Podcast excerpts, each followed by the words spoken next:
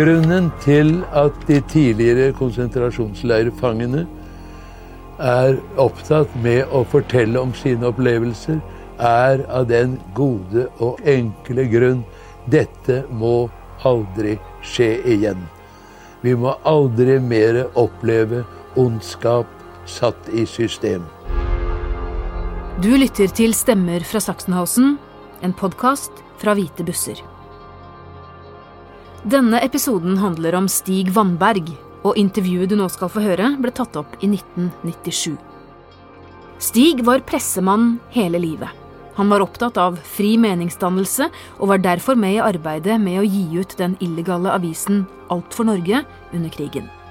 Han ble arrestert av Gestapo i Oslo i 1941 og satt to år i fengsel på Møllergata 19 før han ble sendt til Grini. Derfra gikk veien videre med slaveskipet Donau til Sachsenhausen. Stig var opptatt av ord og ytring, og i denne podkasten skal du få høre ham lese flere av diktene som ble skrevet i Sachsenhausen. Han var opptatt av å ta vare på diktene som oppsto på dette grufulle stedet.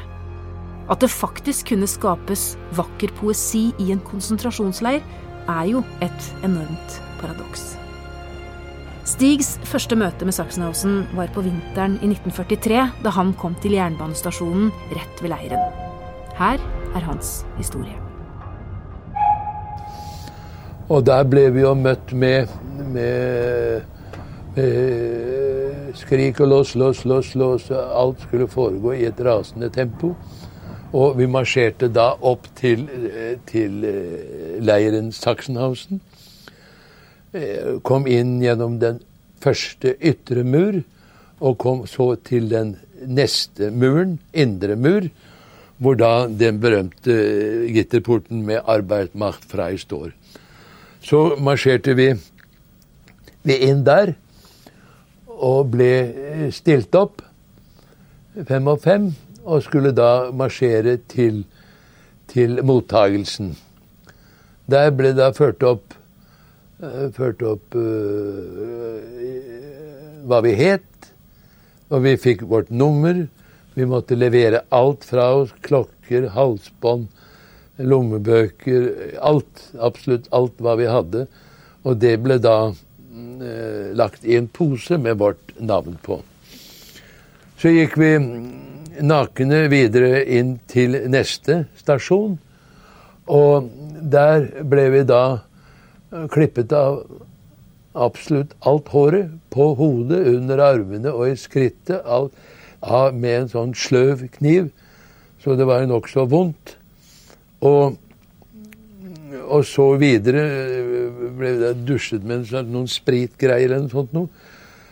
Og så fikk vi klær. De berømmelige sebratrøyene. Jakken Vi fikk en sånn først en sånn tynn tynn, hvit eh, trøye, kan vi si, og så da denne sebrajakken over, som bare rakk til halvparten opp på armene. Så var det en uh, bukse, sebrabukse, som var midt opp på ankelen omtrent.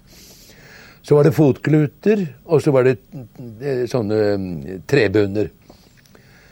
Da var det ingenting igjen av oss. Vi var faktisk redusert til et nummer. Vi var, vi var ikke noe individ lenger. Og vi så jo nokså redusert ut. Vi havnet i brakke, togangsbrakke, hvor vi da fikk besøk av eh, norske veteraner der nede, som fortalte om forholdene vi spurte og grov, og fikk da høre at det var ikke noe særlig lystelig sted vi var kommet til. Nazistene brukte fangene til arbeidskraft. De hadde ulike oppgaver for den tyske krigsindustrien. Det var hardt arbeid for svake kropper som knapt fikk mat. Det var jo rent slaveri. Vi ble leid ut til SS-bedrifter øh, og fikk da premien Shine for dette, hvor vi da kunne kjøpe all verden, som det het. Det var bare tull. Men øh, de fikk det da billigere enn en øh, vanlig. Det er laget en, en uh, statistikk, eller en oppstilling, offisiell oppstilling, når det gjaldt konsentrasjonsleirfangene, Man regnet der med en vanlig levetid på tre måneder. Så satte man opp det regnestykket der, og så inntektene man kunne få av det. Og så eh, var det fratrekk med klær, og så var det fratrekk med utgifter til kremeringen. Og eh, på inntektssiden hva det var å hadde av gull i tennene. Og Det var et rent offisielt regnestykke som de da eh, ved slutten da tjente litt på. Arbeidsdagen var altså kjempelang, fulgte stort sett årstidene fordi at eh, det var litt kortere om vinteren, fordi da var jo dagene kortere. Men, men alt gikk i ett. Dagene som på Grini, de var grå, og uh, vi merket i grunnen ikke noen forskjell på den ene dagen etter den andre. Men Per Sogstad Eh, skildrer en dag på følgende måte. Hvert morgengry, etter søvnen og freden, og drømmen og gleden, stiger angsten i deg på ny. Vi jages i fillene og bygger i famlende tempo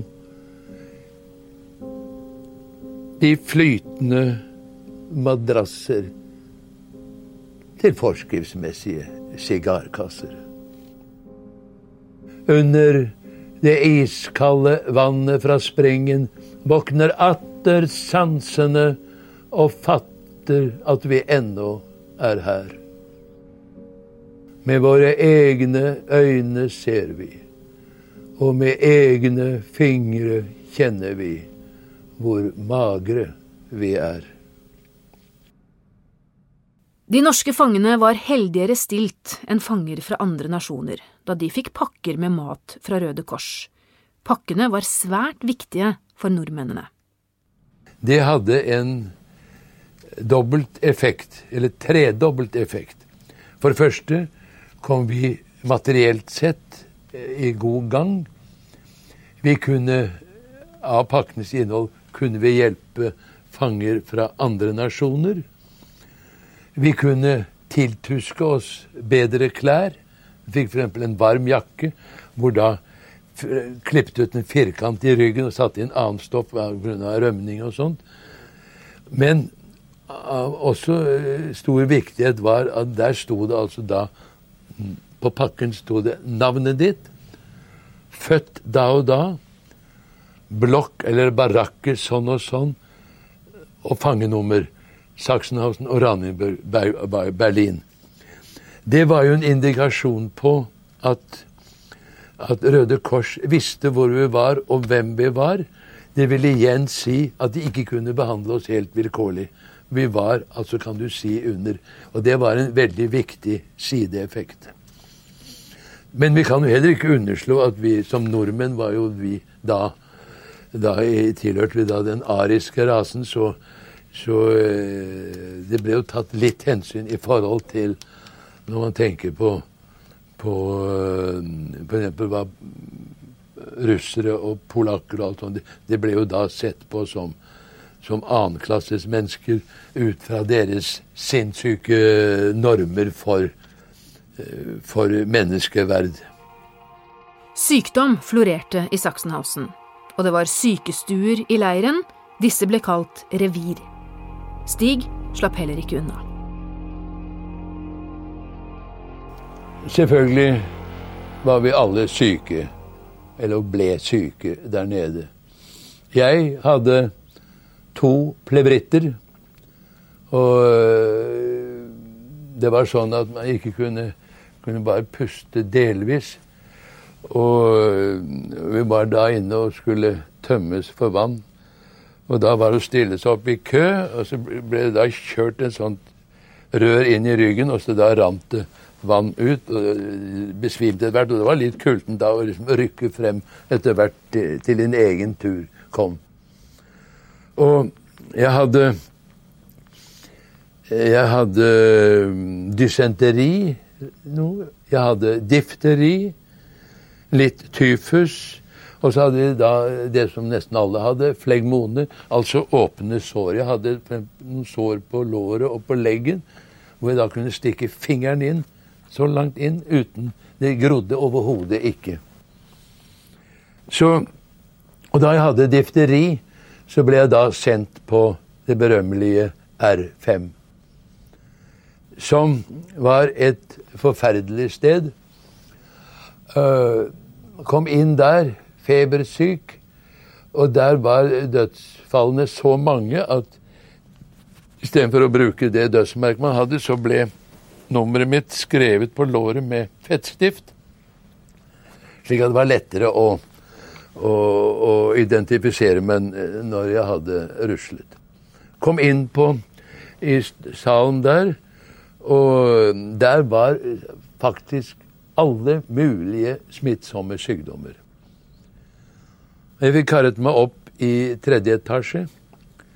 Der var det sånn at når eh, brødet ble delt ut, og noen døde, så la de og Det lå gjerne fem i to seng, fem stykker. Han som døde, la de da innerst, og så kom da opp i tredje etasje fem porsjoner opp.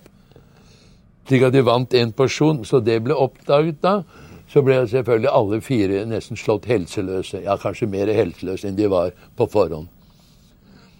Uh, maten ble delt ut på den måten vi hadde sånne skysler. Og det var bare nok til halvparten. Og uh, når halvparten hadde fått den der suppa, så uh, ble det levert tilbake, og så var det en sånn skitten dunk med skittent vann og en skitten klut. Og så ble det sånn. Og så ble det suppen og så gikk det til, til neste. Som da hadde altså hvilke sykdommer det er forunderlig at man, at man, eh, eh, at man ikke ble mer syk enn man, enn man allerede var på forhånd.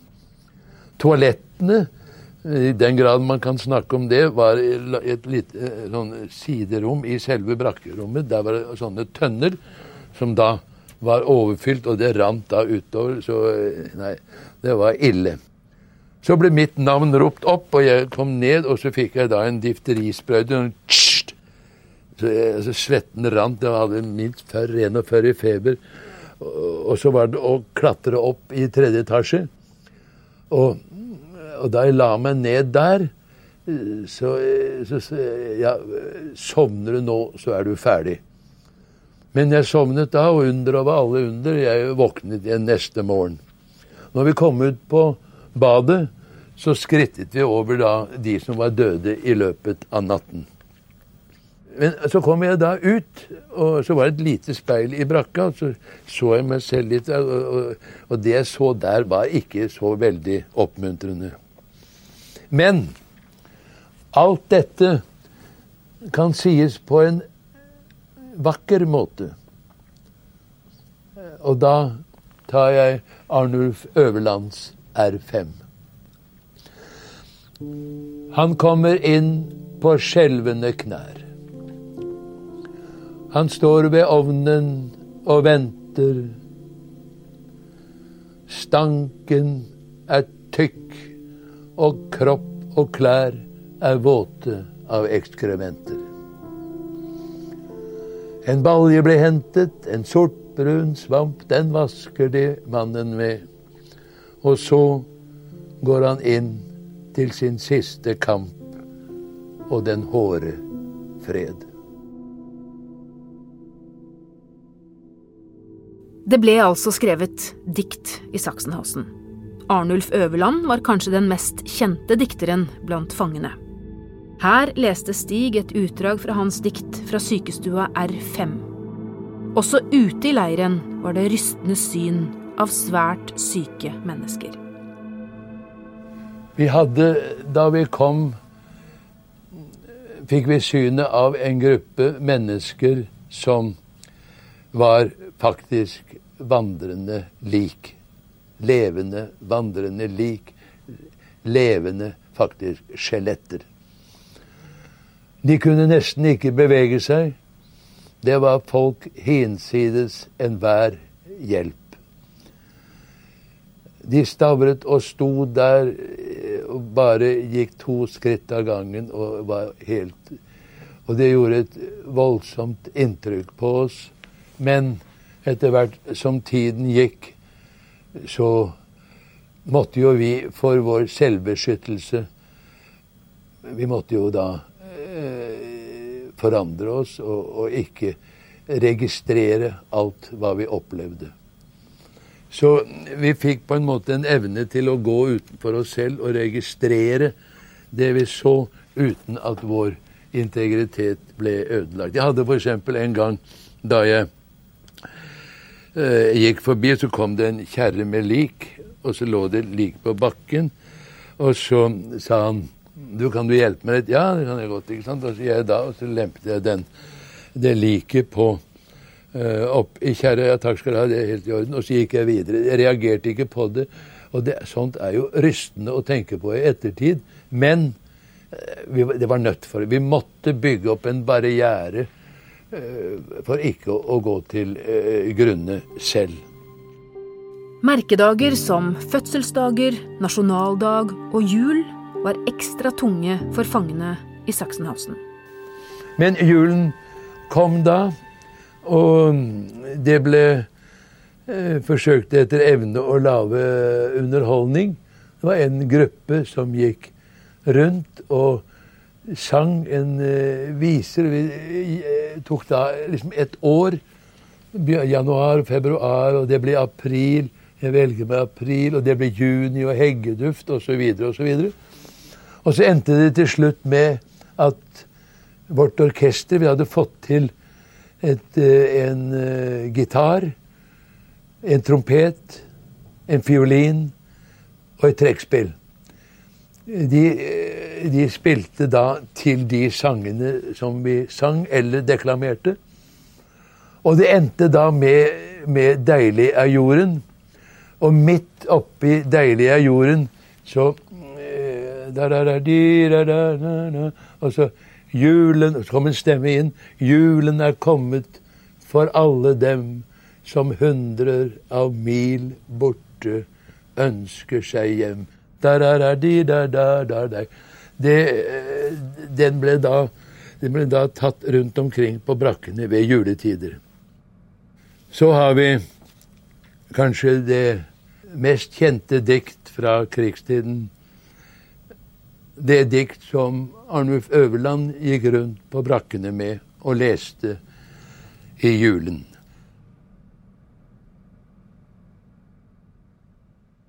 Et juletre er tent på galgebakken. Vi sitter benket ved vår suppeskål og dufter stille av den sure kål og har det hyggelig her i barakken. Vi feirer dagen da en mann ble født, som bar så underlige frihetsdrømmer. Han ville vekke liv der alt var dødt. Han ville fri fra fremmed herredømme, en voldtatt, våpenløs og rådløs masse.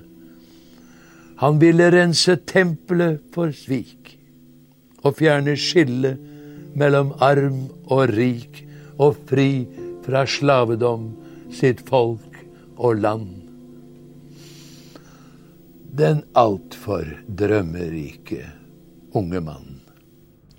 Våren 1945 så vi jo klart og tydelig at krigen gikk mot sin slutt.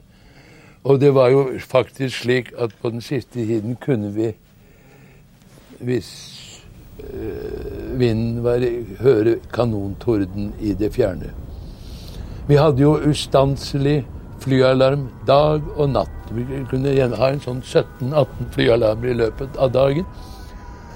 Og det var jo et fantastisk skuespill, særlig ved nattangrep, hvor da disse flyene kom over, og så så vi Berlin i det fjerne Himmelen var blodrød.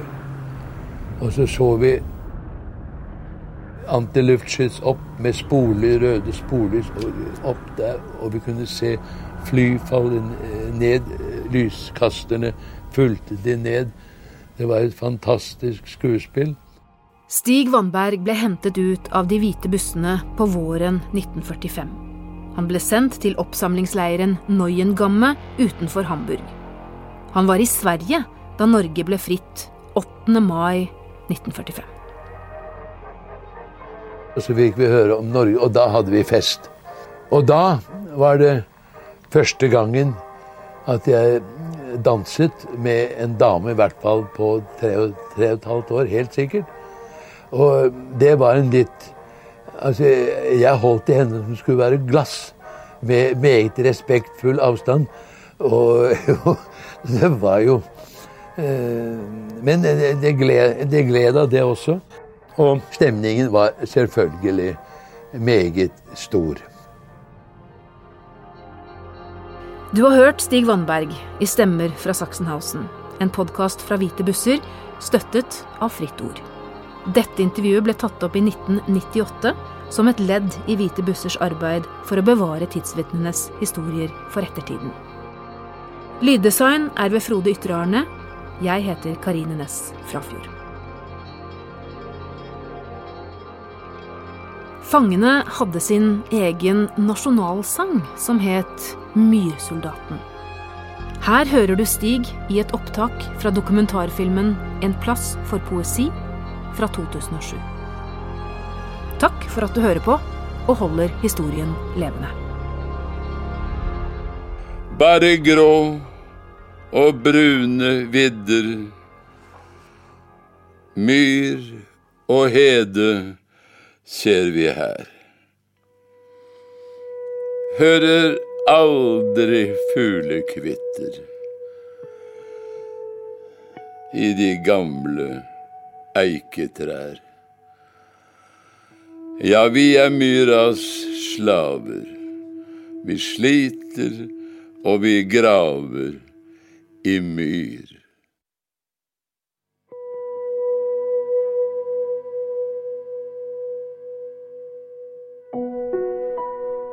Rundt om denne øde hede står det tykke piggtrådhegn. Utenfor er livets gleder. Her er dødens egen egn. Ja, vi er myras slaver. Vi sliter og vi graver i myr.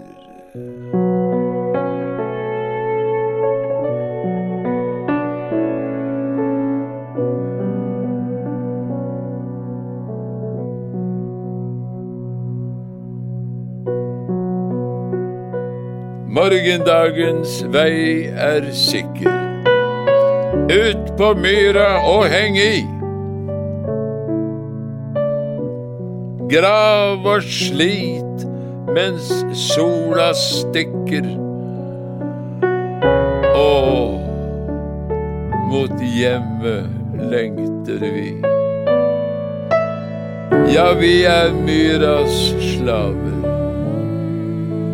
Vi sliter og vi graver i myr.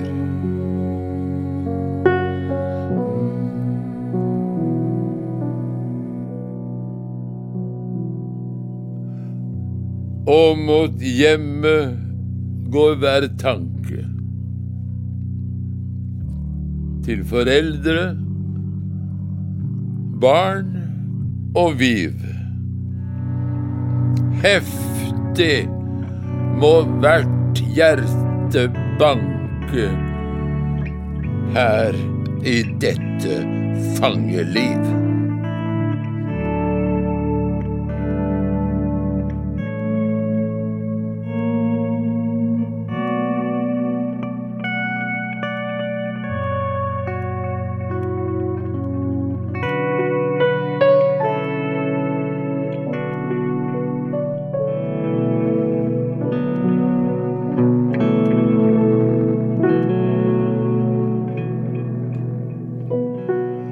Vokterne går stramme stive. Ingen kommer dem forbi. Fluktforsøk vil koste livet. Alle vet hva flukt vil si. Ja, vi er myras slaver. Vi sliter og vi graver i myr.